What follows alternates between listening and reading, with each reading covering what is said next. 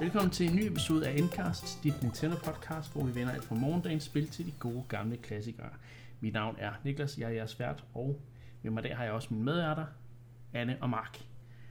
Og øh, efter vores øh, 50 episoders jubilæum øh, i sidste uge, så er det nu blevet tid til at øh, vende tilbage til, til standardformatet.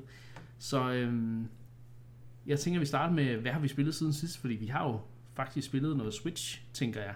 Jeg har i hvert fald spillet ret meget øh, i sidste par uger. Øh, hvad med jer? Jo, det er der blevet til en hel del. Øh, det har jo primært været Animal Crossing stadigvæk, der øh, dominerer øh, ja. agendaen, eller hvad man skal sige. Øh, men der er der blevet, øh, blevet tid til et øh, par svipser andet steds hen.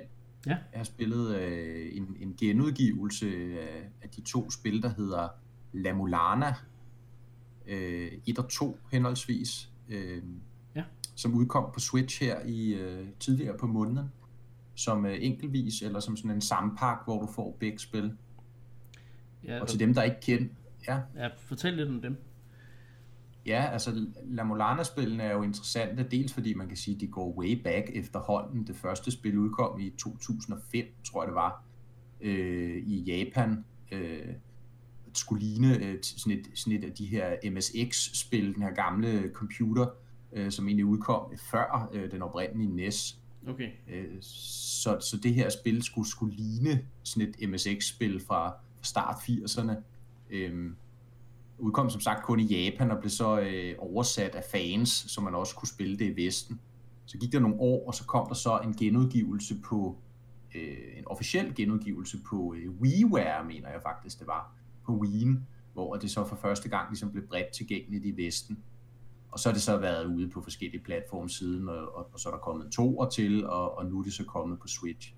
Grunden til, at jeg synes, de her spil er interessant, er grunden til, at jeg genbesøgte dem, fordi jeg har spillet dem før. Det skal sige, at jeg aldrig, aldrig lykkedes mig at gennemføre, men det vender vi lige tilbage til, hvorfor. Øh, men nu vil jeg genbesøge dem her på Switch. Det er fordi, det er... Øh, at nu, nu kommer jeg til at bruge sådan en, en populær øh, talemåde, men man kan sige, det er Dark Souls af Metroidvania-spil, hvilket er lidt sjovt at tale om, fordi at, det er fra før at, Dark Souls. At, at Dark Souls er jo Metroidvania-spil oh, i virkeligheden. Ikke? Ja. ja. Men, men, men point being, og, og når man siger det her, er det jo selvfølgelig, fordi de er djævelsk svære.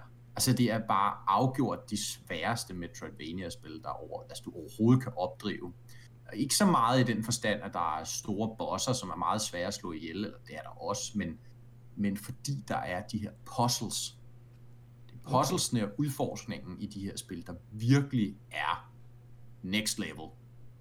Øh, det er sådan rigtig arkeologagtigt, man sådan metodisk skal gå til værks, og man skal sådan, altså du, du skal faktisk, jeg vil faktisk sige, det er påkrævet, at du sidder med din egen lille notesblok siden af. Wow, okay. Gør der, gør der sådan observationer omkring, hvad der er i de forskellige skærmbilleder. Og det kan jo være sådan noget med, altså igen, det er jo et Metroidvania-spil, så du har ligesom en central hop, du mm. udforsker fra. Så hopper du ned i de her underjordiske grotter og så videre, tempelkomplekser og sådan noget. Og så støder du lynhurtigt ind i en blindgyde og sådan noget. Her kan du ikke komme videre. Og så er det så fordi, du skal helt hen i den anden ende af banen og observere, hvordan nogle sten står på en bestemt måde, og det skulle du gøre i tre skærmbilleder, og så skal du så mixe dem sammen, og så har du så et mønster, du så kan bruge det her sted, øh, du først var henne, hvor du hvor det egentlig bare ligner, der er en blindgyde, men du skal så gøre noget, hvis du bruger det her mønster, som så gør, at du kan komme videre i spillet. Ikke? Ja. Altså det er virkelig på det niveau, vi taler om. Du skal være sådan ekstremt metodisk, nærmest sådan detektivagtig i din tilgang til det. Og det er helt sikkert noget, der skræmmer nogen væk, og så er der nogen, der synes, det er mega fedt. Jeg kan ikke helt finde ud af, hvor jeg er i den... Øh, jeg har sådan lidt en øh, diskussion med mig selv om, om jeg synes, det er for altså svært tilgængeligt, eller, eller det rent faktisk er fedt. For det er jo også super fedt, når man så selv knækker koderne til en af de her koder. Men som sagt er der også bare mange af dem, der er så svære, at, at de, de fleste kommer ikke igennem uden at, uden at få hjælp. Altså, ja. Øh, så ja, men, men det er cool, fordi altså det er det, det er de her øh, arkeolog-univers. I virkeligheden er det jo Indiana Jones inspireret også, ikke sådan hele look and feel. Det er 2D, mm. øh, 16-bit baseret, i hvert fald øh, remaket her. Øh, så, øh, så det er jo noget igen med at, at, at lede efter de her gamle artefakter og undersøge de her tempelkomplekser, klare bosser, løse puzzles osv., ikke? og så får man opgraderinger, så man kan komme videre og, og så videre, så videre. En masse, masse interessante, mystiske mechanics, som, som gør det lidt unikt, og gør det til meget sit eget, som, som, som man ikke rigtig har set før eller siden, vil jeg sige. Mm. Øhm, toeren, hvis jeg lige hurtigt skal sætte nogle ord på det, fordi den er, er i virkeligheden ikke så meget anderledes end etteren andet, end at den er faktisk blevet gjort mere tilgængelig. Så det er ligesom om, at de har skruet lidt ned for de her crazy puzzles, okay. og gjort, at man sådan mere realistisk kan komme igennem det. Øh, men ellers er, er gameplay-loopet meget det samme, kan man sige. Mm, okay. Så, så det, det er nogle, altså, nogle sjove spil. Jeg kan godt anbefale dem, hvis man er meget glad for Metroidvanias eller svære gådespil. Ja.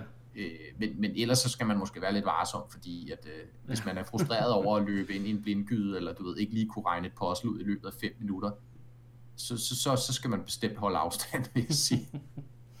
Nej, det lyder øh, svært. Det lyder svært. Ja. Der er ikke nogen af jer, der har spillet dem, eller? Nope. Nej. Og heller ikke kunne være interesseret i det på baggrund af min lille salgstale her. Jeg tror, Nej. jeg tror, jeg tror du faktisk, du har uh, taget mig fra os og købe det. Jamen, jeg, jeg tror måske, jeg har et til, til Steam, men, men ellers så, nej. Ja. Jeg har ikke spillet dem. Øhm, nej. Jeg tror ikke, jeg tror ikke, ja. det kommer til at ske. men, øhm, ja, nå, men så må vi hellere komme videre i teksten, tænker ja, ja. jeg. Nok om svære puzzle med Troidvanias. Har du uh, spillet ja. andet end Animal Crossing, uh, Anne? Nej, og det er egentlig blevet lidt sådan en uh, besættelse for mig. Okay. Fordi når jeg tænker sådan, jeg, jeg var jo i gang med nogle, nogle virkelig gode spil, inden Animal Crossing kom. uh, men når jeg tænker sådan, ej, jeg burde gå tilbage og gennemføre Murder by Numbers, eller spille mere Rune Factory, så er det ligesom om, at Animal Crossing trækker i mig, fordi at jeg føler, der er så meget, jeg stadig skal nå, inden at det hele slutter. Så. Hvad slutter? Undskyld mig, er det ikke evighedsspillet, vi taler om? jo, det føles sådan. Man kan i hvert fald ikke øh, påstå, at der ikke er noget content den her gang. Det må jeg sige. Det, Hvad er det så, du skal nå? Bare. Ja, altså, jeg, jeg skal nå at spille det nu, hver, altså hver dag. Nå, for det er noget. du skal nå at vande blomsterne, så de ikke visner, hvad jeg sige. Jeg skal nå at vande blomsterne, og ja, man, skal, man har bare det der ritual hver dag i Animal Crossing. Altså, min, min døgnrytme er blevet mere stabil, fordi jeg skal stå op og spille Animal Crossing hver dag, inden jeg skal lave arbejde. Ja. Øh, så så ja, det er ikke fordi, du ikke, du, ikke, du, du, du skal nå at presse det ind i din hverdag, basically. Ja, ja. præcis. Okay. Og jeg, jeg føler ikke, jeg har tid til ikke at spille det, fordi så kommer jeg bagud, og det går slet ikke. Uha. Ja. Er, er der Men sådan lidt bare... uh, fear of missing out omkring spillet for dig, eller, eller er det bare for din egen, din egen besættelses skyld? jeg har bare, det, det er bare så godt, altså. Jeg har bare lyst til at spille det. altså, men altså, altså helt klart, der er der nogle ting, hvor at, at man tænker, det er måske ikke helt sundt at tænke, øh, tænke over, at nu, øh, nu har Able Sisters lukket, så nu kunne jeg ikke nå det her, hvis jeg gerne ville have købt den her ting alligevel, og sådan noget. Det, det er måske lige besættelsesagtigt nok for mig, men... Øh, og sådan er det man kan, hvis man også gerne lige vil noget i tøjbutikken og købe noget i den rigtige verden, så har de jo også lukket på et tidspunkt, så jeg synes egentlig, det Præcis, og der er intet at gøre ved det. Det er jo sådan, det er. Ja, of life. når man har store, når man har, når man har store mængde, en stor mængde klokker ude i, uh, i sin roer, som uh, og romarkedet ikke lige ved, ved en til bedste sådan en uge her, så, uh, ja, så skaber det lidt indre panik. ja, okay. Jeg har heldigvis fået ropanikken ud af, af verden i den her uge, så det er meget godt. Men lad os lige øh, ja. blive lidt ved Animal Crossing. Jeg har et andet spil, der også lige har fået en opdatering, øh, som vi kan snakke om bagefter, men øh, som jeg har spillet. Men, men lad os lige sagt mere om Animal Crossing, fordi øh, altså, jeg har, bliver også ved med at spille det. Jeg, øh, jeg er faktisk begyndt i den seneste uge, der, der var lige for to uger siden, der begyndte, jeg sådan, der begyndte at dale lidt. Der var det ikke lige så vigtigt for mig at komme online hver dag. Men så var det som om, der, der skete et eller andet. Der, det slog klik i hovedet, eller sådan noget, den stil. Øh, hvor jeg bare jeg fik lyst til at lave et eller andet, sind, en eller anden sindssyg omrokering af min ø. Så jeg, jeg, jeg har i den seneste uge gået lidt amok igen, og sådan presset i hvert fald to-tre timer ind om dagen, øh, hvilket er, er sådan ret utroligt, når, når jeg sådan igen var ved at falde lidt af på den. jeg havde, jeg havde mistet min Nook Miles streak to gange i løbet af den sidste fase, det udkom. Og det var, det var lidt forfærdeligt. Ja. Men, øh, men så har du en femstjernet ø nu, kan jeg høre, Niklas. Ikke helt. Den er fire stjerner, med... men jeg, jeg, det er faktisk noget tid siden, jeg har tjekket øh, hos øh, Isabel. Men jeg er ved at lave nogle omrokeringer. Det kræver også, at jeg lige skal have nogle flere øh, bakker og bord øh, bygget og sådan nogle ting. Så. Snor lige, øh, distrikter, hvor i uh, villagersne de bor? Og... Ej, dog ikke. Jeg, jeg vil sige, jeg, jeg Flotte, bruger naturen.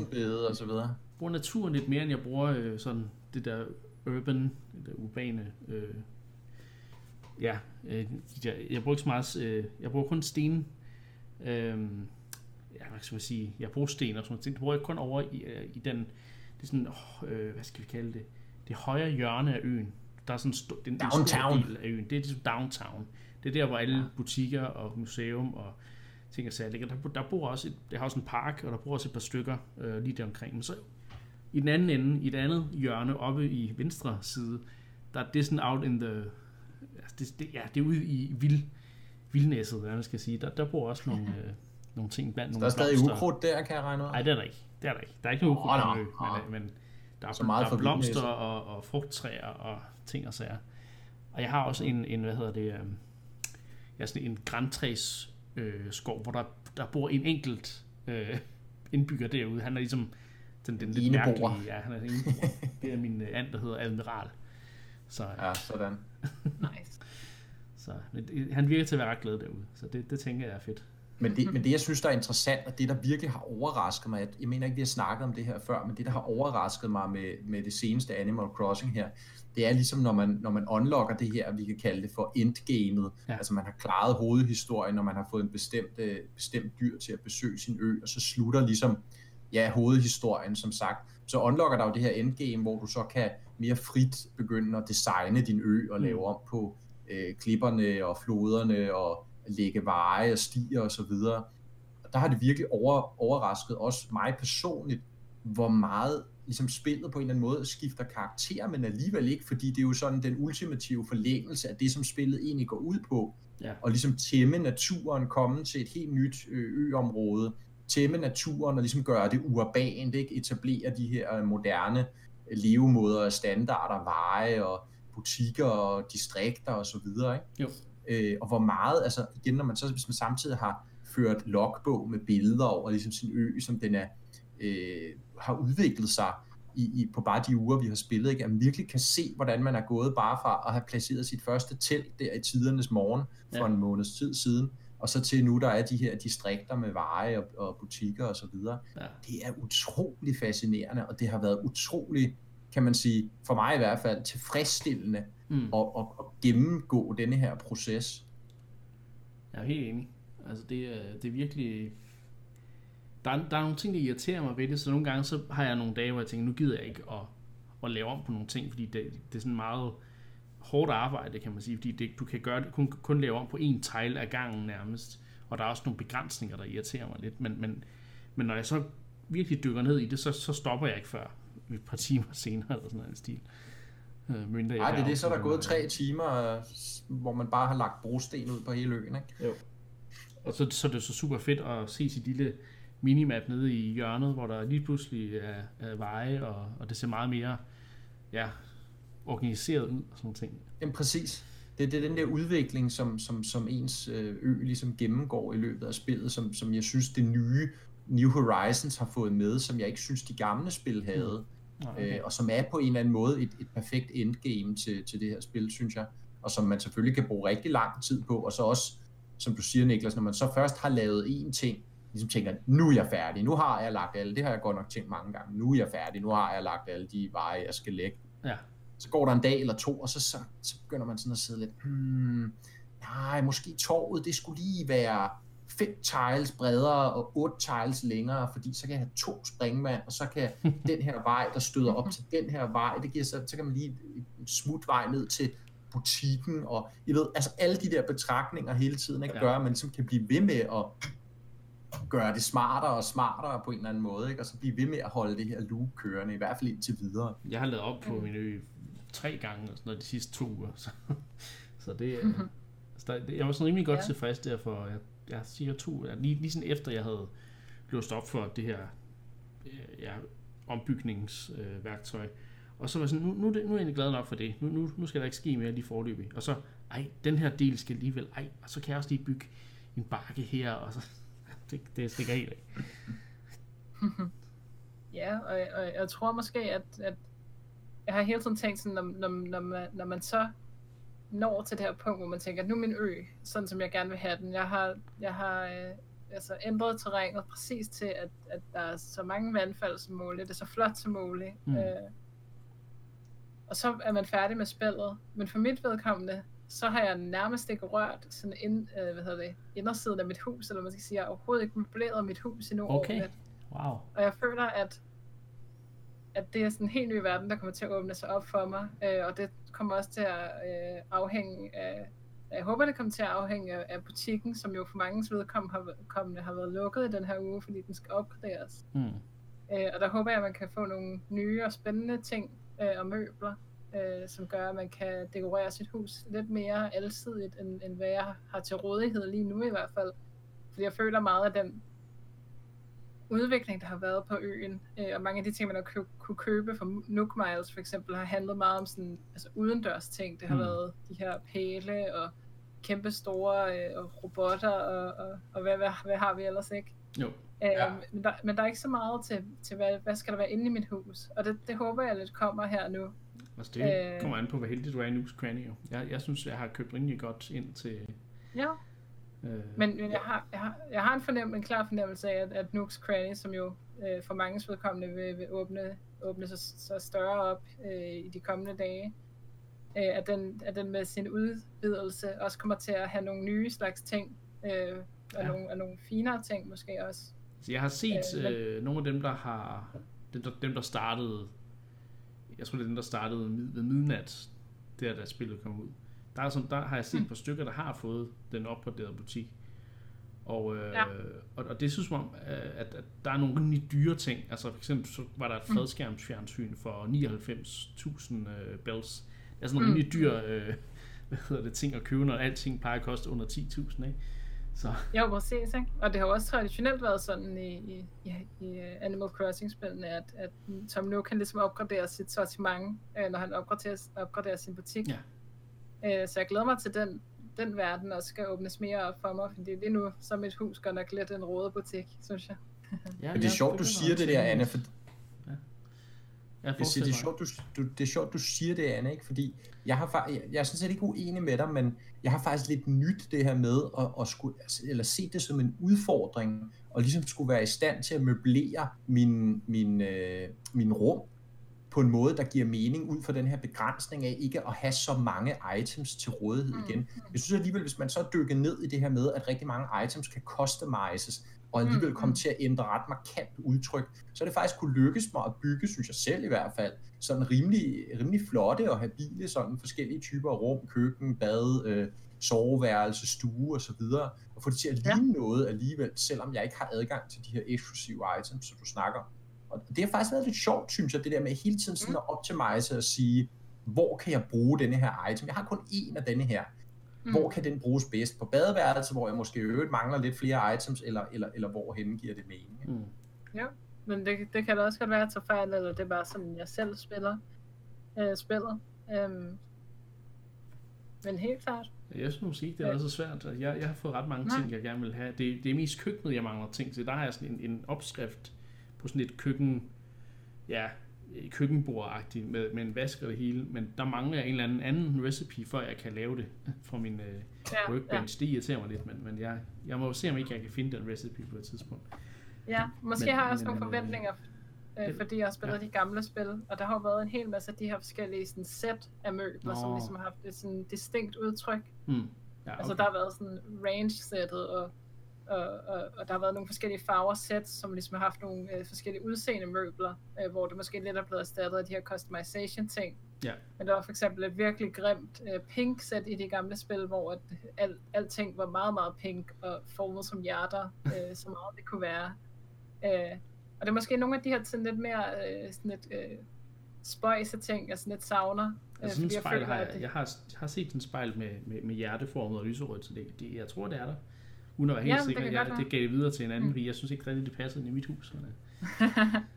ja, men det kan også være, at jeg bare har været umådelig uheldig, at der har været øh, hvad ja. hedder sådan nogle øh, trafikkejler i min øh, Nooks Cranny hver dag. Ja, der er nogle uger, hvor, det bare, hvor man bare føler, at hele tiden er noget, noget mærkeligt noget, men jeg får så også gaver tilsendt øh, til højre og venstre med, oh, men, øh, øh, Niklas, den her synes jeg, den, den passede til dig, så den skal du have, og sådan noget. Jeg har, jeg har blandt andet lavet et, øh, i min kælder, der har jeg lavet sådan et øvelokale, øh, med guitar og instrumenter og højtaler og lys og det hele.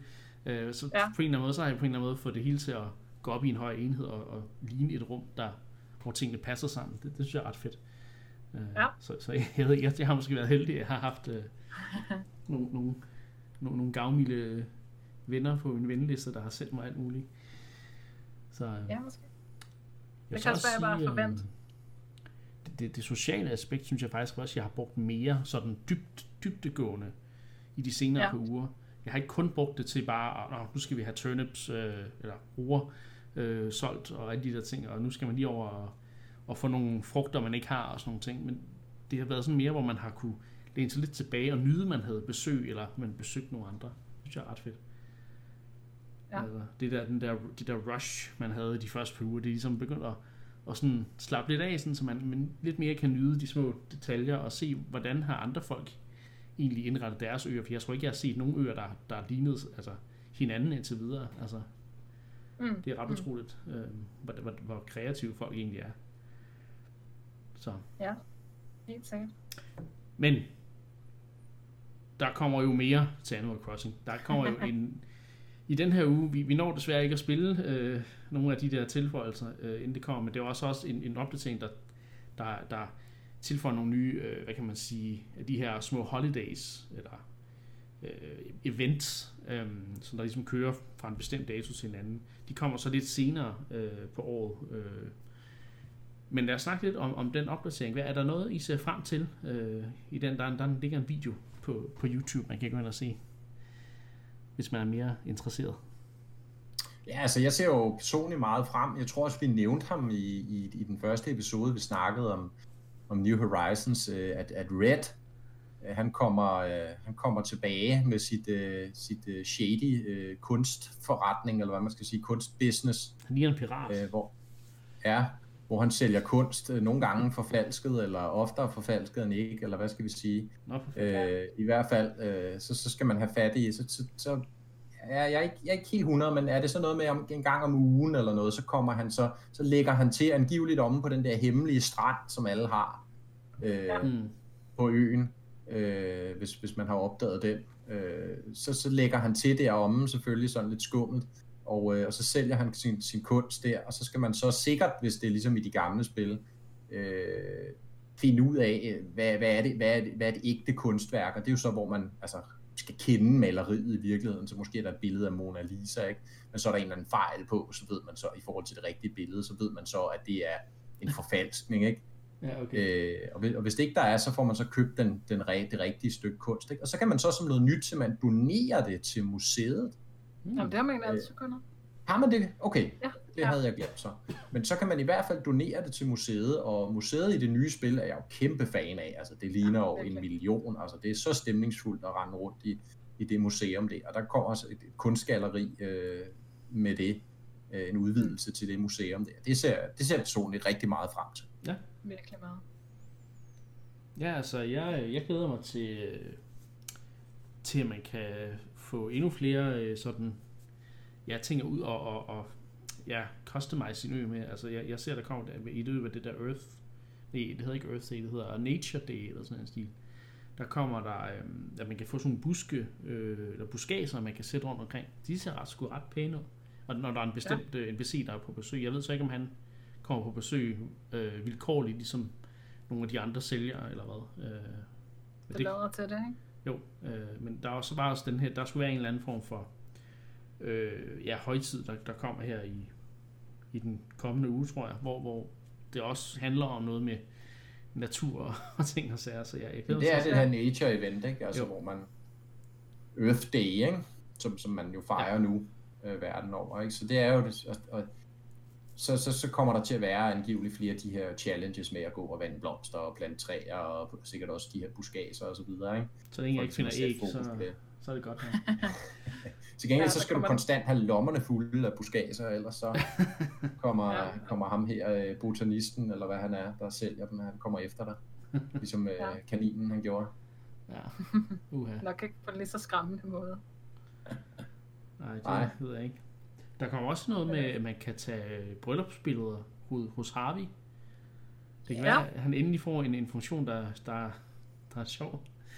Øhm, ja. Ja, det... Der, der, der er, hvad hedder det...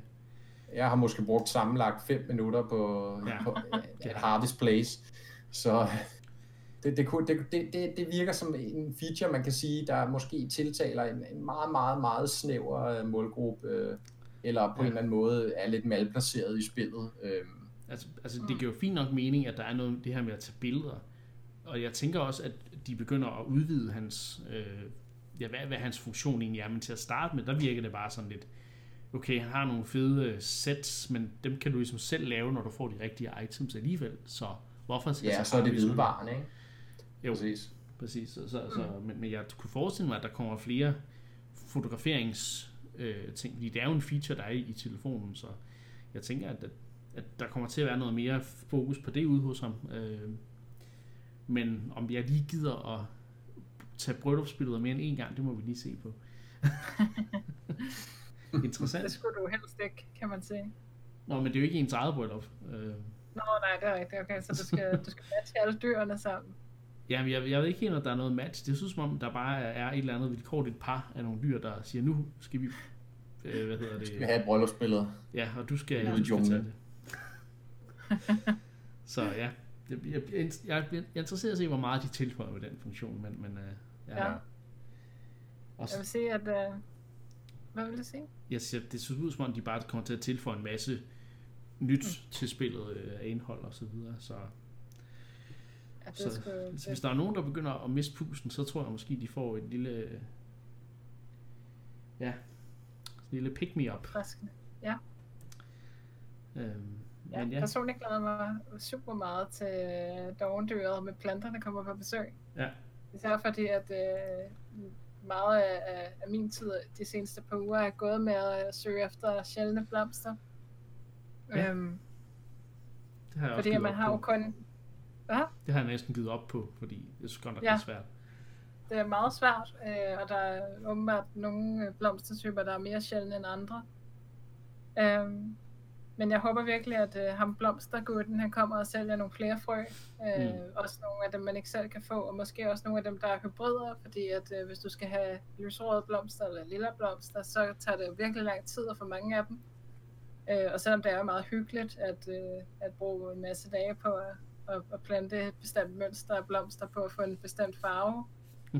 øh, så, øh, så burde man måske også bare unlock de farver, når man ligesom har... Øh, har øh, ja. voksen. Øh, så så det, det synes jeg måske er et af de systemer, som, som godt lige kunne trænge til en opfriskning med et øh, dovendyr, der kommer på besøg en gang om ugen. Jamen altså, han øh, virker til at i hvert fald have et stort udvalg af forskellige frø, så mm. må ikke man kan forestille sig det, så du kan få lov at minimaxe ja. din øh, blomsterbede. det er også vigtigt. Ja. Men, okay. Ja, det... og så... Øh, som Mark siger, så øh, ham med Red, det bliver ja. virkelig, virkelig fedt. Øh, det var en af de features, som jeg egentlig var mest ked af, ikke var med i det nye. Mm. Øh, netop fordi, at, at det bare viser de her sådan, spøjse ting, der er og, er og traditionelt set har været i Animal Crossing-universet. Altså sådan nogle karakterer, som sådan, på en eller anden måde ikke passer ind. Altså en, en hoslende rev, der sælger falsk kunst, og man ved ikke rigtigt, om det er mere shady, at han har de rigtige eller kopierne. Nej. øh, og det var også til, at de er gået all in øh, den her gang med, med designet af hans båd, øh, hvor lyset godt nok er noget øh, tvivlsomt, og, og det hele det virker lidt skummelt. Så det glæder jeg mig super meget til at se. Han er lige en figur for mig, kan jeg høre. Men øh, ja, jamen, det, jeg, jeg glæder mig til at, at, at se, hvad der bliver tilføjet og så videre. Og så kan vi jo snakke lidt om øh, de første par, par ting, vi når at opleve her. Øh, ja, inden næste episode, der, der har vi forhåbentlig fået en forsmag på, hvad, hvad, hvad, de, hvad de tilføjer i den her opdatering. Så, øh, men vi skal også nå at snakke om andre ting. Øh, som, som sagt, så har jeg spillet et andet spil, der også har fået en opdatering. Og det er jo Super Mario Maker 2, der ud af ingenting øh, lige pludselig får en trailer på YouTube, hvor øh, ja, Nintendo fortæller, at øh, nu kommer den sidste DLC, eller ikke det gratis DLC er det jo sådan set til øh, Mario Maker 2. Og øh, der er en helt speciel øh, feature. Selvfølgelig tilføjer de nogle nye power-ups og nogle nye, øh, øh, ja, nye, hvad, hvad kan vi kalde det, øh, mekanikker, øh, som de altid gør. Men den helt store ting er, at nu har de jo tilføjet, tilføjet sådan en world øh, builder. Altså du, du kan lave dine egne øh, Mario-verdener. Du kan faktisk lave dit helt eget Mario-spil øh, med otte verdener og sætte det helt eget layout af verdenen op og ting og sager, ligesom i, vi kender det fra Super Mario World og ja, nærmest Super Mario Land 2 også og så videre, ikke? Øh, jeg synes, det er sindssygt, øh, sindssygt fedt, og jeg har siddet og rullet lidt med det her i eftermiddag. Men øh, er der nogen af jer andre, der har nået at kigge på det? Nej, jeg har ikke noget at kigge på det, men, men jeg vil nok øh, være tilbøjelig til, øh, alene ud fra traileren, og, og give dig ret, Niklas, at det er en, en vild opdatering, og det er en, en, en opdatering, der på, på mange punkter ligesom realiserer det for mig fulde potentiale i Mario Maker, og det ja. jeg måske også var en lille smule skuffet over, ikke var med, da Mario Maker 2 udkom oprindeligt sidste år. Mm. Øh, netop fordi det, det var så oplagt en funktion at tilføje, og netop igen fordi, at, at det her med, at man har mulighed for at lave en hel verden af gangen, gør noget i forhold til, at man kan lave baner, hvor der ligesom er en progression, man kan sætte dem sammen, så der er en progression, ikke?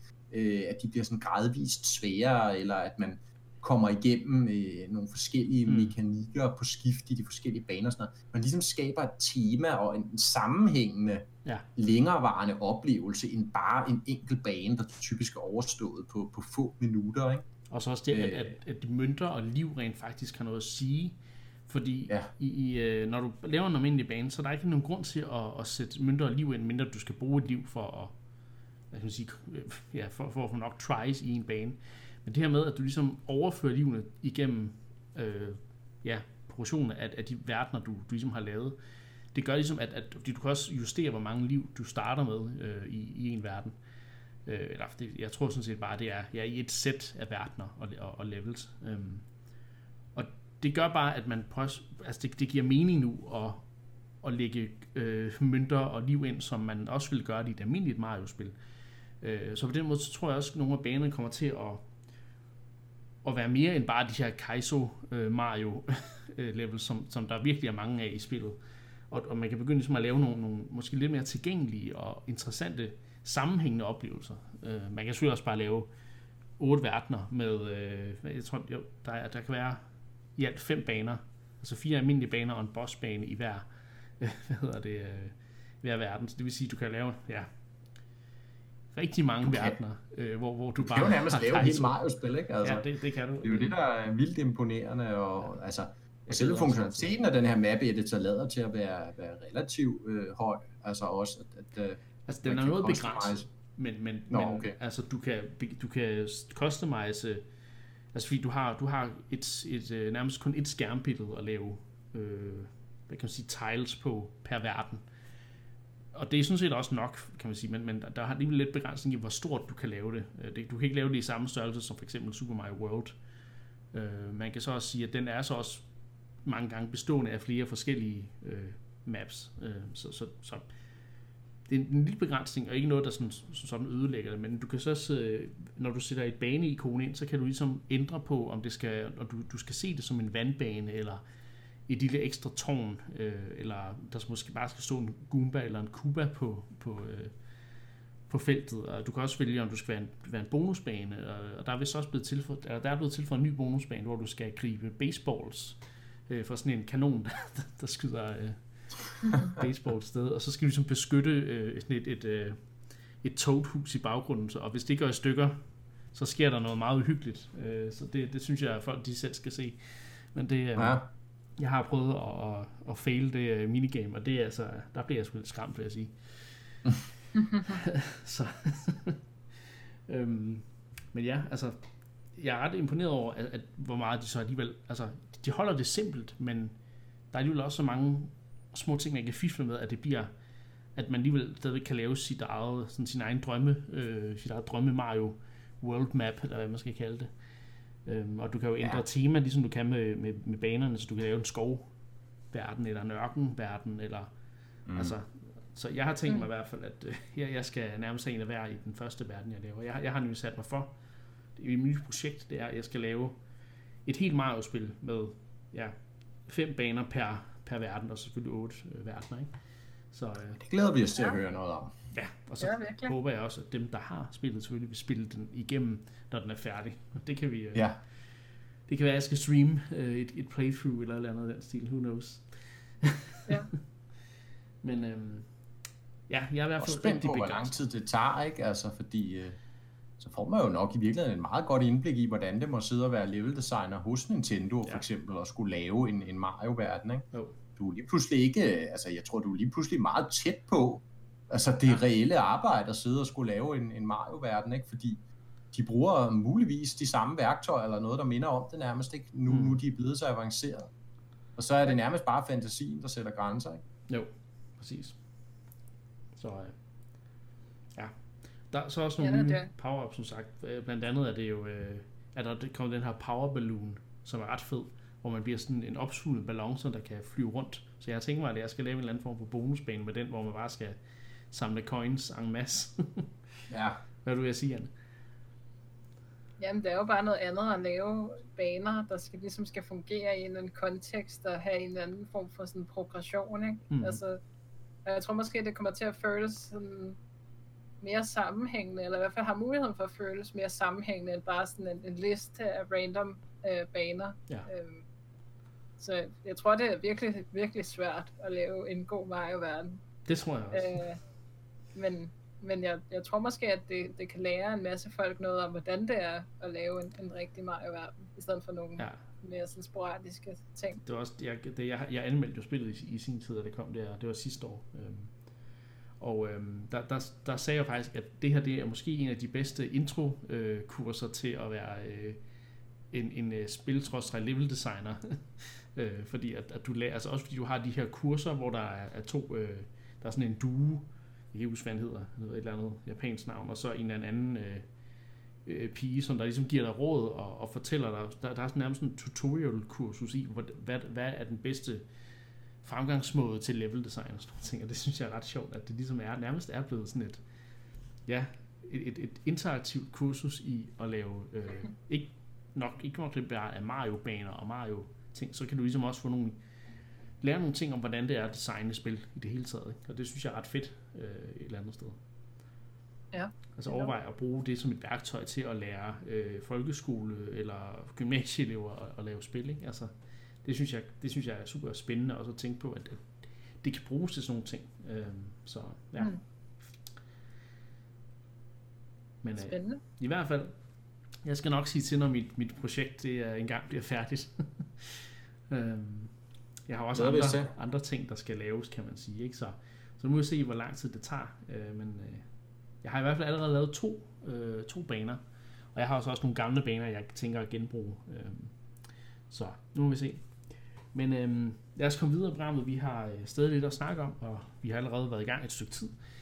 Øh, der er jo øh, i Japan er der kommet en ny udgave af Switch Online-appen til mobiltelefoner. Og det synes jeg, vi lige skal, skal snakke lidt om. Øh, Mark, det var vist dig, der øh, fremhævede nyheden, øh, inden vi, vi ja. live her. Hvad vil du sige jeg, jeg synes, om det? Ja, jeg synes, det var en interessant nyhed, øh, og, og nu skal jeg lige rette her og sige, det er jo som sådan ikke en ny udgave af Switch Online-appen. Som jeg forstår det, er det en, simpelthen en separat oh. My Nintendo-app. Oh, okay. øh, så der er jo den her My Nintendo Service, ja. som vi også har i Vesten, som godt nok er noget tam, hvor man tjener de her mønter, og det kan man så bruge på typisk bare et wallpaper, eller ja. et eller andet, ikke? Altså, ikke sådan super ophidsende, må, må jeg nok være ærlig og indrømme. Der, der er plads til forbedring. Øh, men, men der i Japan, der har man lanceret den her app, øh, som er My Nintendo-universet på en app, mm. hvor man så kan logge ind på den, og selvfølgelig se sine point og så videre, men så også angiveligt begynder Nintendo så her at poste opdateringer øh, direkte i, i appen, ikke? så det kan jo være trailers, så det kan være øh, directs og så videre, Øh, så det bliver simpelthen en, en direkte, altså nu, i dag er vi jo vant til, at de gør det på YouTube eller et eller andet, ikke? Men, men, men nu får de simpelthen deres, deres egen platform i, i app-form, hvor de 100% kan styre kommunikationen. Mm. Øhm, det synes jeg var lidt, øh, lidt interessant, og må ikke også den, den finder vej til Vesten. Jo, øhm. altså det synes som om, at, at, det lyder som om, at der også kommer til at være en lidt mere detaljeret, hvad hedder det, playlog øh, i den app. Jeg ved så ikke, om, om det er mere end bare det, vi ser på, på, på Switch, men altså, det, det skulle være en, play, sådan en, en, en log, der både logger fra 3DS, Wii U og uh, Switch uh, progress, så, så, så det, det tror jeg bliver interessant, hvis jeg har altså faktisk ønsket mig lang tid, at vi fik en mere detaljeret play activity log, men uh, igen, jeg ved ikke om, om, om det bliver mere, det bliver mere detaljeret, men jeg synes bare, at jeg har læst om, at uh, der, der, det skulle være en feature, der, der var i den her app. Så, så ja. Men ja, altså, det kan også være, det, det kan også være, det er noget, noget bras, ligesom Switch Online-appen, ikke? Det er ikke jo. til at sige, men, men det er i hvert fald interessant at sige jo også igen noget om, hvor meget øh, fokus der er på, på de her apps, øh, mm. i forhold til at kommunikere med, øh, med, med forbrugerne derude, ikke? Jo. Mm. Øh, og, og man kunne sagtens forestille sig, ligesom de har det her nyhedsfeed på selve Switchen, som jeg ikke rigtig kan blive klog på, øh, hvor meget egentlig bliver brugt. Altså, jeg ved ikke med jer, men det er jo ikke noget, jeg bruger særlig meget, fordi typisk så får jeg jo mine nyheder først på internettet eller på... Ja, præcis. Ja, det, det kunne være en app i Twitter-appen eller YouTube-appen eller et eller andet, ikke? Jo. Øh, og så når man logger på sin Switch, ser den en nyhedssektion, så er sådan lidt, nå ja, men det, det har jeg jo læst i går, altså. Ja, det vidste så, jeg for to uger siden, eller, eller Ja, præcis, ikke? Så jeg ved ikke igen. Ja, det er jo det. Jamen, det er jo det, det, er jo det Anne. Altså, det, er jo det, det er jo det, jeg stiller spørgsmålet her. Har vi nogen idé om, jeg har ikke rigtig i hvert fald, ligesom, hvor, hvor mange bruger rent faktisk det her nyhedsfeed. Jeg kunne forestille mig, bare ved at tage udgangspunkt i mig selv, at, at det måske ikke er så mange i virkeligheden, og deraf også et, et, et mere større behov for at få sådan en app her, mm. man, kan, man, man kan kommunikere til, til brugerne direkte med det, på det device, som de jo har i, mellem hænderne hele dagen stort set, eller i lommen i hvert fald. Med notifications. Med telefon, ikke? Og med notifications, så... Ja. ja, det er jo en reklamesøjle også, det, det skal man jo ikke tage fejl af, men, men altså, vi kan jo godt lide at få noget reklame for et firma, vi godt kan lide, så... Det er jo, det. Det, er, det. det er jo derfor, vi elsker Direct. Så. det er det. Så, øh, ja. Men ja, nej, det, det er... Jeg, jeg, jeg brugte faktisk... Jeg brugte den faktisk den anden dag. Der, der, jeg vidste ikke, at man kunne få ekstra uh, items i Animal Crossing hvis man havde øh, spillet, eller hvis man havde, ja, hvis man connected New Horizons, eller tilsluttet det med øh, øh, mobilspillet, hvad hedder det? Pocket Camp. Pocket Camp, ja. Og det var sådan, nå, okay, det må Gina læse lidt mere om, men så synes jeg egentlig ikke, der stod så meget om det, så jeg er sådan lidt, nå, så jeg, det vil sige, at jeg skal downloade spillet på, på mobilen, hvis jeg vil finde, finde ud af, hvordan jeg gør. Så nej, det, det gad jeg så ikke, men, men jeg brugte den så, som den, nærmest den første gang overhovedet. Ja, ja. Skal du overveje, det er nogle ret fede items faktisk, man unlocker. Ja. Så. Men Pocket, ja, jeg tror faktisk, jeg har åbnet det op en gang. Ja. og så lukkede jeg det. Ja, ja, Pocket Camp er ikke specielt fremragende, det kan vi godt blive enige om, men det er nogle fede items, du kan unlocke i New Horizons, så... Okay, du har, har, du har gjort det, der. Ja, jeg har gjort det. Er det svært? Skal man bare Hvordan gør ja, du skal bare åbne spillet op og trykke det rigtige sted, og så får du en kode, og så skal du ind i e-shoppen og indtaste den kode. Okay, okay. Det er i virkeligheden mere bøvlet, end det burde være, men altså stadigvæk til at finde ud af, og så, ja. så har du det i spillet. Ikke? Ja. Men øh, så vidt jeg kunne forstå, så kan man så også se priserne øh, og købe spillet direkte i appen, ikke? Jo, det tror jeg også. Og det synes det er jeg er selvfølgelig stor, interessant, ja. Så det synes jeg er en stor på, opgradering. På e-shops hjemmesiden, eller gå ind på Switchen, ja. så kan man bare gøre det fra mobilen, når man, hvis man ikke lige har sin, sin Switch med ude. Det er jo ikke altid, man har det. Ja, ja. Ja, ja, og, og shoppen er jo et webinterface i forvejen, også på Switchen jo ikke. Man kan bare jo. ikke rigtig se, at det er en browser, den åbner op, men, men det er det jo. Så. Ja, mm. det. Men, men det synes jeg personligt er virkelig, en virkelig god ting, fordi at jeg synes da ofte, at jeg bøvler med at finde ud af, hvad koster det at spille så egentlig på Switchen. Ja. Men når man sidder ved sin computer, altså så er det jo bare åndssvagt i virkeligheden, når man ikke kan se, øh, udvalget. Øh, og det kan jeg da forestille mig, at de mister nogle, øh, nogle kunder på. Øh, altså hvis man sidder og skal vælge mellem, om, om man vil have et spil på Steam eller på, på sin Switch. Øh, så der, der synes jeg, det er helt fint, at, at der kommer en nemmere, lettere tilgængelig måde at, øh, at få lov til at se bare, hvad spillet koster. Det, det synes jeg burde være en no-brainer. Kan du ikke se det på deres hjemmeside? Det, måske er det bare mig, der ikke kan finde det, men... Øh, det, det må vi lige undersøge. Det må vi lige undersøge. Det har, jeg har aldrig kunne finde det, Nej, okay, jamen, øh, det skal heller ikke være besværligt at finde det. skal være noget, der bare kommer frem med Præcis. clips, ikke? Så, ja, og det er virkelig ærgerligt at miste et salg på den baggrund, at man ikke kan finde ud af, hvad spillet koster. Ja. Uden at sin konsol. Det er det faktisk. Så. Men øhm, ja, men jeg ved ikke, hvor, altså jeg håber godt nok, øh, den app kommer til, øh, til de andre regioner, og så må vi jo, øh, hvad kan man sige, anmelde den til den tid øh, her i, i programmet, øh, og se, hvad, hvad vi synes om, den lever op til, til potentialet, eller om den, den bare, ja. Ja, lider Switch Online app skæbne. Ja, som godt nok er, er en, en mærkelig app, men jeg har den der installeret. jeg har brugt den i Animal Crossing et par gange for at hente nogle, øh, nogle designs ned, men det, ellers så har jeg ikke rigtig øh, brugt den til noget. Så der var nogen, der på nu sagde, gå ind, gå ind i, i, øh, i voice, voice chatten på, på appen, der var nogen, inden jeg besøgte en, en ø, sådan nej, det, det gad jeg ikke lige. så vil jeg hellere sidde og skrive med, med controlleren. så, øh, det siger meget. Ja. Men lad os, øh, lad os komme lidt videre i programmet. Jeg, jeg har nogle, nogle andre små ting, vi skal snakke om, inden vi går til retro-segmentet i den her episode. Øhm, og inden da, så kan jeg også lige sige, at du lytter til øh, Endcast, dit Nintendo-podcast, hvor vi øh, vinder alt fra morgendagens spil til de gode gamle klassikere, som du kan høre på øh, Endclub, iTunes og Spotify. Og der er kommet øh, nogle nye spilannonceringer øh, siden sidst. Øh, som vi sådan har snakket om. Altså, der, siden den der Direct Mini, så er der ikke rigtig sket så meget, kan man sige. Men der er sådan på tredjepartsfronten, er der alligevel blevet annonceret nogle spil. Og det første spil, jeg gerne vil snakke om, det er sådan lidt interessant, fordi det er spil, hedder Windbound, som fik en Switch-trailer den 20. april, tror jeg. Men som så lidt tidligere på måneden fik en, en trailer til de andre platforme.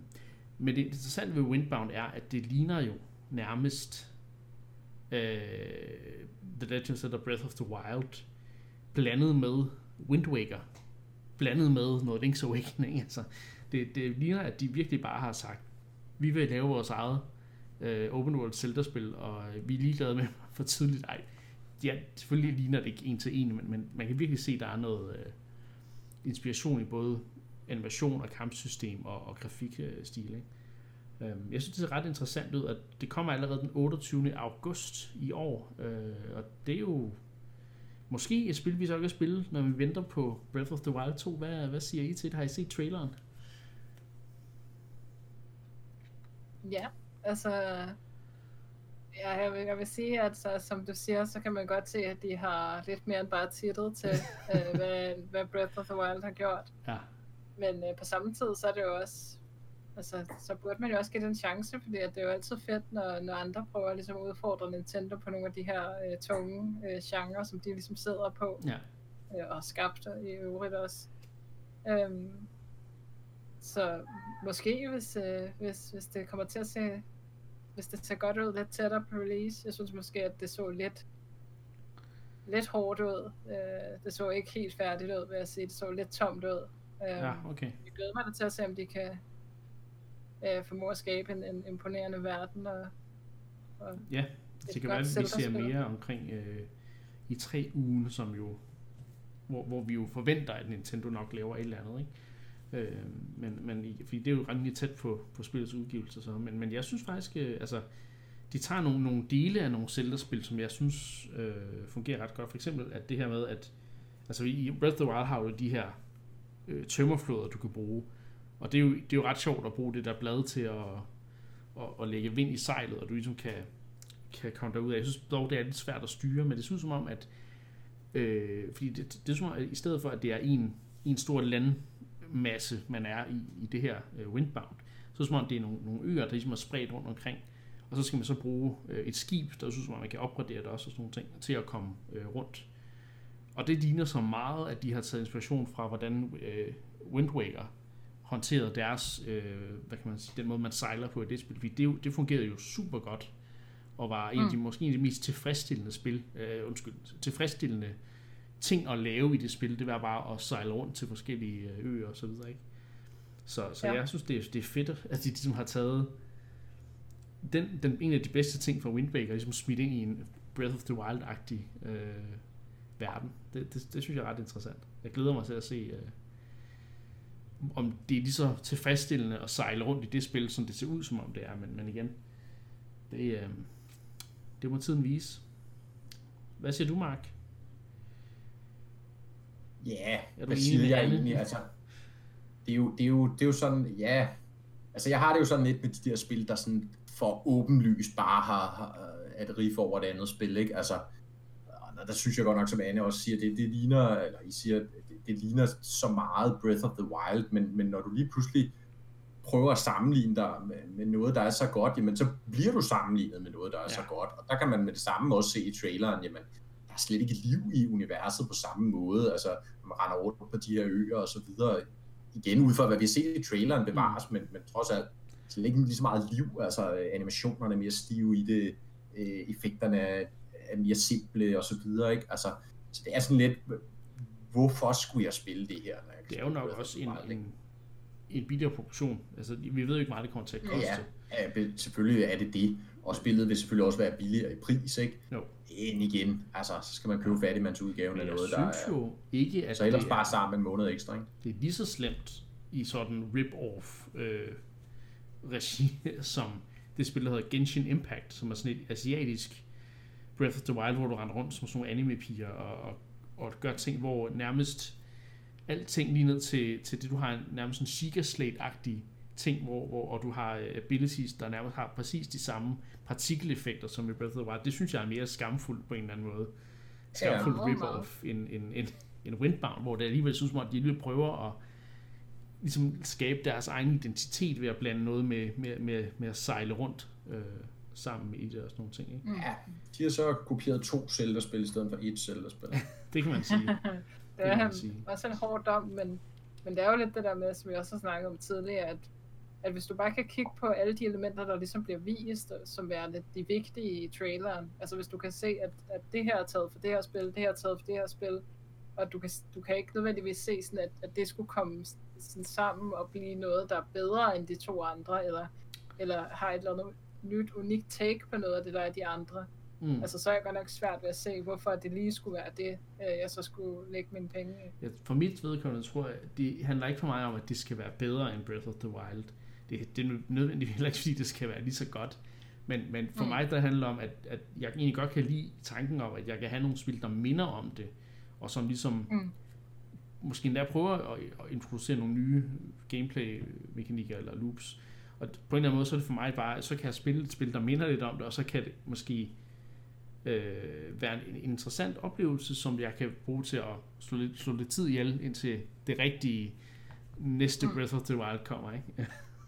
det er nok jo. sådan lidt det, jeg ser. Så på den måde, så, så vil jeg hellere ligesom sige, hvad, hvad, for, hvad for et af de her Breath of the Wild-agtige spil ser mest interessant ud. Der var også et andet, der kom ud til Steam, som vist nok også er på vej til Switch, øhm, som jeg prøvede lidt tidligere øh, på året, da der var sådan en demo, eller hvad fanden man skal kalde det, eller sådan en mm. early access udgave var det vist. Der, der prøvede jeg det, og der var jeg nødt til at sælge det igen med det samme, fordi jeg kunne bare mærke, de prøvede at være Breath of the Wild, men de prøvede også at være så mange andre ting samtidig, og det fungerede bare ikke. Ja. Så som, det kan sagtens være Windbound, det lidt ender i samme skuffe, men det, jeg håber, det, det er alligevel et spil, der har lidt mere med interesse end for eksempel Genshin Impact.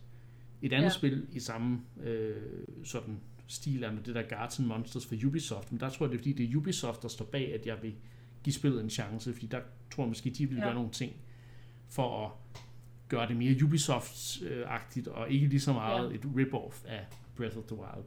Øh, så det kunne ja. måske være interessant, selvom jeg foretrækker Breath of the Wild over Ubisofts open world-spil. Ja, og det er måske også derfor, jeg ikke er helt solgt til Windbound, fordi jeg ved allerede, der kommer et andet Breath of the Wild-like, som man måske kan ja. begynde en genre, der begynder at formere sig. Øhm, men ja, og det er også igen fordi, at de, altså nu man godt nok ikke se så meget for spillet, men, men de lover måske noget lidt andet, end, end, end noget, der umiddelbart ligner så meget, øh, ja, to-tre forskellige Zelda-spil. Ja. Men øh, fra Zelda Lookalikes mm-hmm. skal vi over til vores retro-segment, hvor vi faktisk skal snakke om et vaske ægte Zelda-spil. Måske det mest ægte Zelda-spil, vi overhovedet kan, kan snakke om, det er netop The Legend of Zelda til øh, NES. Det er jo øh, ja, det, er jo et legendarisk spil, øh, også selvom, øh, altså, både i titel og, hvad kan man sige, i status. Øhm, det er ikke et spil, jeg, jeg nogensinde har gennemført faktisk, hvilket er lidt øh, skandaløst, når jeg kalder mig selv hardcore Zelda-fan. Men det er jo også fordi, jeg faktisk ikke øh, jeg som sådan har et nostalgisk forhold til spillet. Jeg har jo faktisk altid kun spillet. Altså mit første Zelda-spil, det var Link's Awakening, og det var Ocarina of Time, der gjorde mig til, til fan for life, kan man sige. Men, men øh, jeg har ikke rigtig det store forhold til, til de første tre spil i serien. Men hvordan, øh, hvordan har I det med det originale setup. Vi skal måske også lige sige, faktisk inden vi går i gang med det, så vil jeg faktisk gerne lige øh, sige, at det er faktisk ikke noget, vi selv har fundet på at snakke om det her spil. Det er jo øh, inde på Endclub, hvor øh, en af vores, øh, virker til at være en af vores faste lyttere, An, han øh, har endnu en gang været inde og foreslå øh, et spil. Så øh, jeg tænker, at vi måske lige skal, skal høre, hvad han øh, har at sige om spillet, inden jeg begynder at snakke og spørge ind til, hvad I synes om det. Alt for meget. Øh, ja. Se, hvad skriver han? Øh, ja, An han skriver, øh, det originale The Legend of Zelda til gode gamle NES.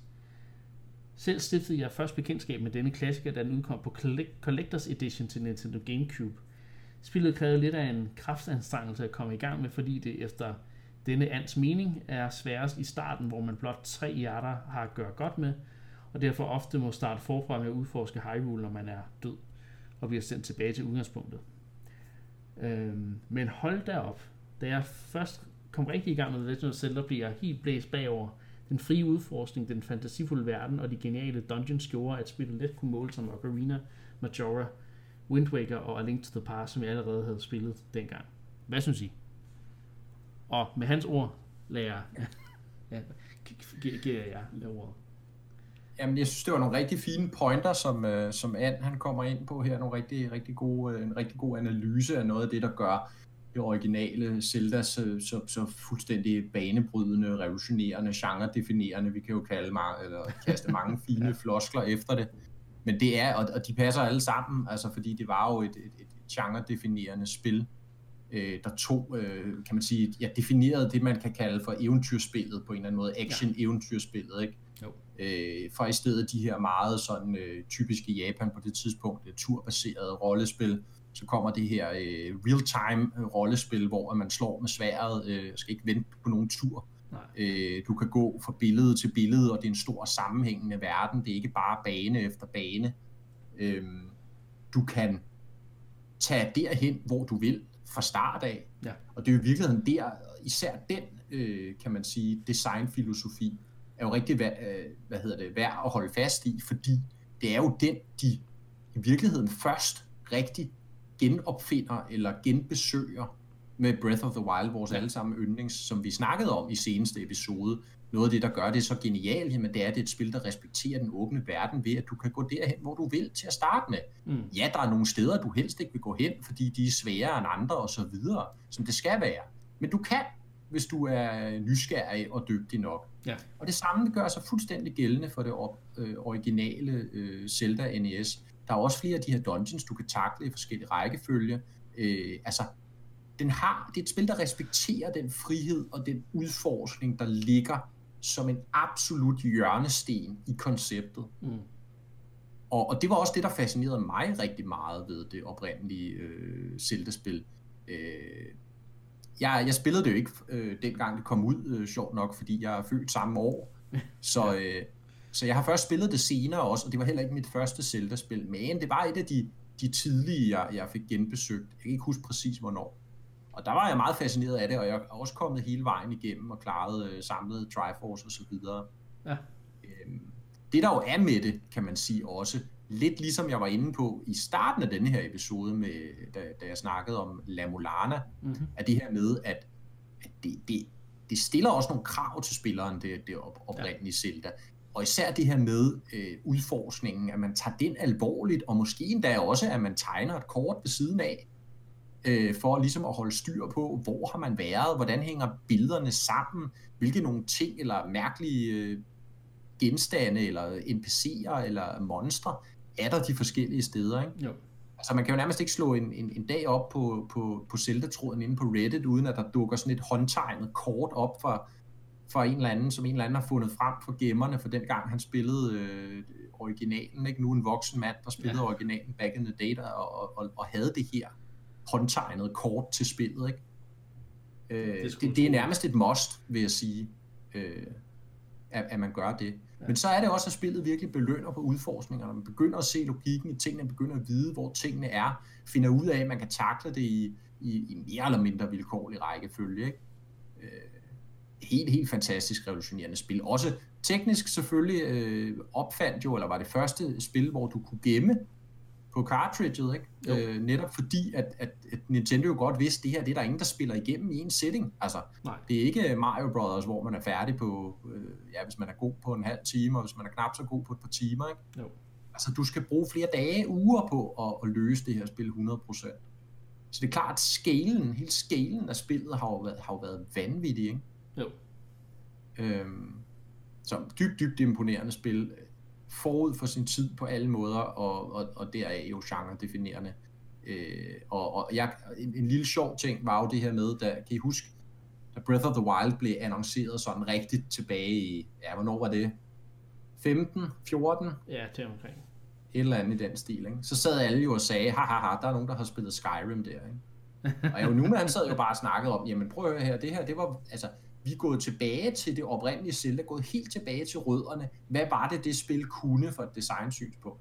Og det kunne netop det her med den åbne verden, og, og lade den respektere spillerens egen nysgerrighed.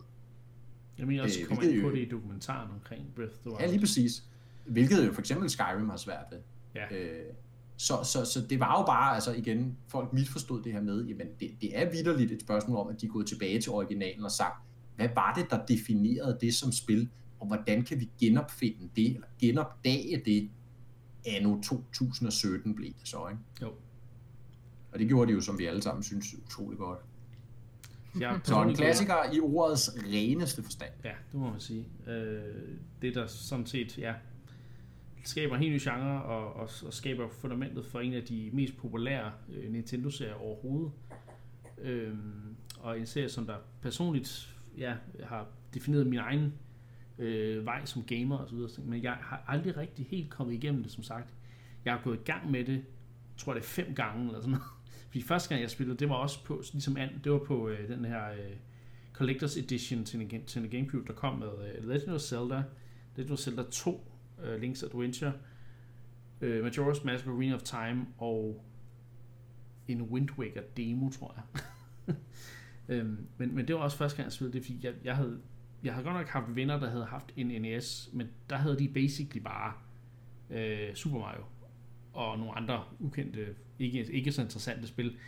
Øhm, men, men hvor, hvor altså, jeg, har, havde aldrig mulighed for at prøve, selv jeg vidste ikke engang, at det eksisterede øh, dengang, øh, hvor, hvor man spillede på, på NES og så videre.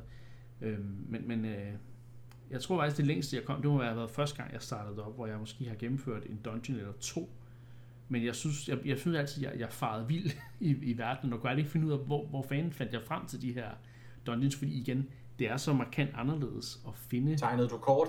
Nej, det gjorde jeg ikke. Det var nok også en fejl.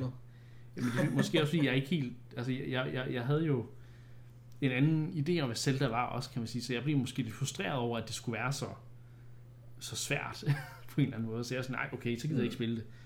Øhm, men, men så senere, altså jeg, jeg prøvede det faktisk så sent som i dag, bare lige fordi jeg vidste, at vi skulle snakke om det, så tænkte jeg, jeg prøver lige at spille det i 5-10 minutter, og egentlig så er styringen jo stadigvæk den dag i dag helt sindssygt god og, og simpel. Øh, det er jo kun, du har en directional pad, du har A, B, start, select, men det fungerer, altså det fungerer sindssygt godt, mm. bare, bare med det. Øh, så, øh, så ja, og jeg, jeg tror faktisk, at jeg næsten nåede at dø inden for de der 5-10 minutter, så ja, det er et spil, jeg har svært ved. så jeg, jeg, ja. det kan være, at jeg skal spille det igen. Altså, det kan være, at jeg rent faktisk skal sætte mig ned og gennemføre det en dag. Så kan jeg også gennemføre selv der to. Selvfølgelig kan man også sige, hvis man skal tage de rosenrøde briller lidt af, så er der jo også sket ting, altså hvor game design har udviklet sig. Der er jo også altså, nogle ting ved originalen, altså der er jo de her famøse ting, hvor at, at du skal altså hvis du skal finde nogle af hulerne og så videre, så skal du gå og brænde hver eneste busk ned i spillet med den her lanterne, og du ved, trykke på hver eneste væg, eller bombe hver eneste væg rundt i hele Hyrule for at, at finde alle hemmeligheder. Ikke? Der er ikke noget, der indikerer, at her er der noget hemmeligt, ikke? så det er bare ren trial and error at gøre det. Der er ikke noget klomp med sværet, eller et lille revner i væggen, eller et eller andet på samme mm. måde. Vel? Det er rimelig så, så, så der, det er det virkelig, og det er jo de ting, man vil støde på, når man, især når man at være opmærksom på, når man går tilbage og spiller det i dag, øh, og, og man skal ligesom komme over, hvis man, hvis man vil gøre sig forhåbninger om at, at gennemføre det. Ikke? Ja, jeg vil sige, det er også, jeg tror måske, det er de Zelda-spil, jeg nok aldrig kommer til at gennemføre. Øh, og det er, det er, ligesom du siger, Niklas, bare som om, at det, det er ikke lige så tilgængeligt, som de blev meget hurtigt efter. Mm. Ikke? Altså, for ja. kigger vi på A Link to the Past, så vil du kunne tænde det den dag i dag, som en hvilken som helst spiller, og nærmest kunne gennemføre det, uden at skulle slå en eneste ting op, fordi ja. at det bare, altså, det udviklede sig så meget, både visuelt og, og også altså sådan user experience-agtigt. Øhm, ja. Altså det er bare, det, du får bare nogle ting at vide, som, som, altså, som gør, at, at det bliver en meget mere øh, en guided tur, øh, måske. Øh, og det er måske øh, noget, som purister vil tale imod, fordi at, at man gerne vil have den her meget åbne øh, udforskning, men, men, men altså, der er jo en grund til, at vi også øh, nu til dags, og selv i Breath of the Wild, øh, holder spilleren lidt mere i hånden, end vi gjorde tilbage i 86. ja. øhm, så, så ja, man kan sagtens spille det og, og, og ligesom gå ind på spillets præmisser og have en virkelig, virkelig fed oplevelse. Men jeg synes også, det er værd at tænke, at, at går man et par år fremad og spiller det næste spil, spil i serien, at så er der virkelig sket nogle opgraderinger.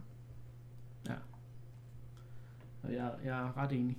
Øh, det er også, altså, der er nogle af de ting, der holder mig tilbage, men, men igen, der er bare ikke nogen tvivl om, at det er et af de vigtigste spil, øh, sådan grundpille mæssigt, at, at, som, som man mm. ikke rigtig kan komme udenom, når man snakker om nogle af de mest indflydelsesrige øh, spil i industrien. Ikke? Mm. Så ja. Ja, altså der er meget, der ikke vil kunne eksistere uden The Legend of Zelda. Det ja, er helt sikkert. helt sikkert. Så, øh, men ja. Øh, igen, det kan, det kan være, jeg, jeg, det kan være, at jeg kommer til at genbesøge det og faktisk komme igennem det i hvert fald. Jeg, mm-hmm. jeg tror, jeg vil give det et forsøg på et tidspunkt. Øhm, ja. Jeg er også begyndt at få lidt mere efter de tilføjede link øh, power up'en i, øh, hvad hedder det, i Mario Maker 2. Det, det, der sidste år, der har jeg også fået lidt mere øh, forkærlighed for, for, øh, for NES Link, så det kan være, at det også hjælper mig til at, at komme igennem. så, øh. Men ja, jeg, jeg tænker, der lukker vi øh, snakken om det gode gamle The Legend of Zelda til NES. Øhm, tak til And, fordi han var inde og øh, anbefalede spillet øh, på øh, Endclub på forum. Og jeg synes øh, igen, vi bare skal sige, at jamen, bliv endelig ved med at, at, at foreslå spil, fordi øh, vi, vi kan også godt selv finde på nogen, men det er lidt sjovere, når vi hører øh, nogle af jeres anekdoter omkring, hvorfor I, lige præcis hvorfor I synes, det spil er så godt, så dårligt, eller så interessant. Øh, og det, det, det, det, der gør det sådan, det giver sådan en lille ekstra pif, når vi lige kan, kan citere jer i, i programmet. Øh, også ligesom vise, at jamen, i er også en del af, af det, der gør Endcast øh, super fedt. Så øh, med de ord, så tror jeg bare, at jeg vil øh, sige øh, tak, fordi du lyttede med, og vi ses ved næste gang.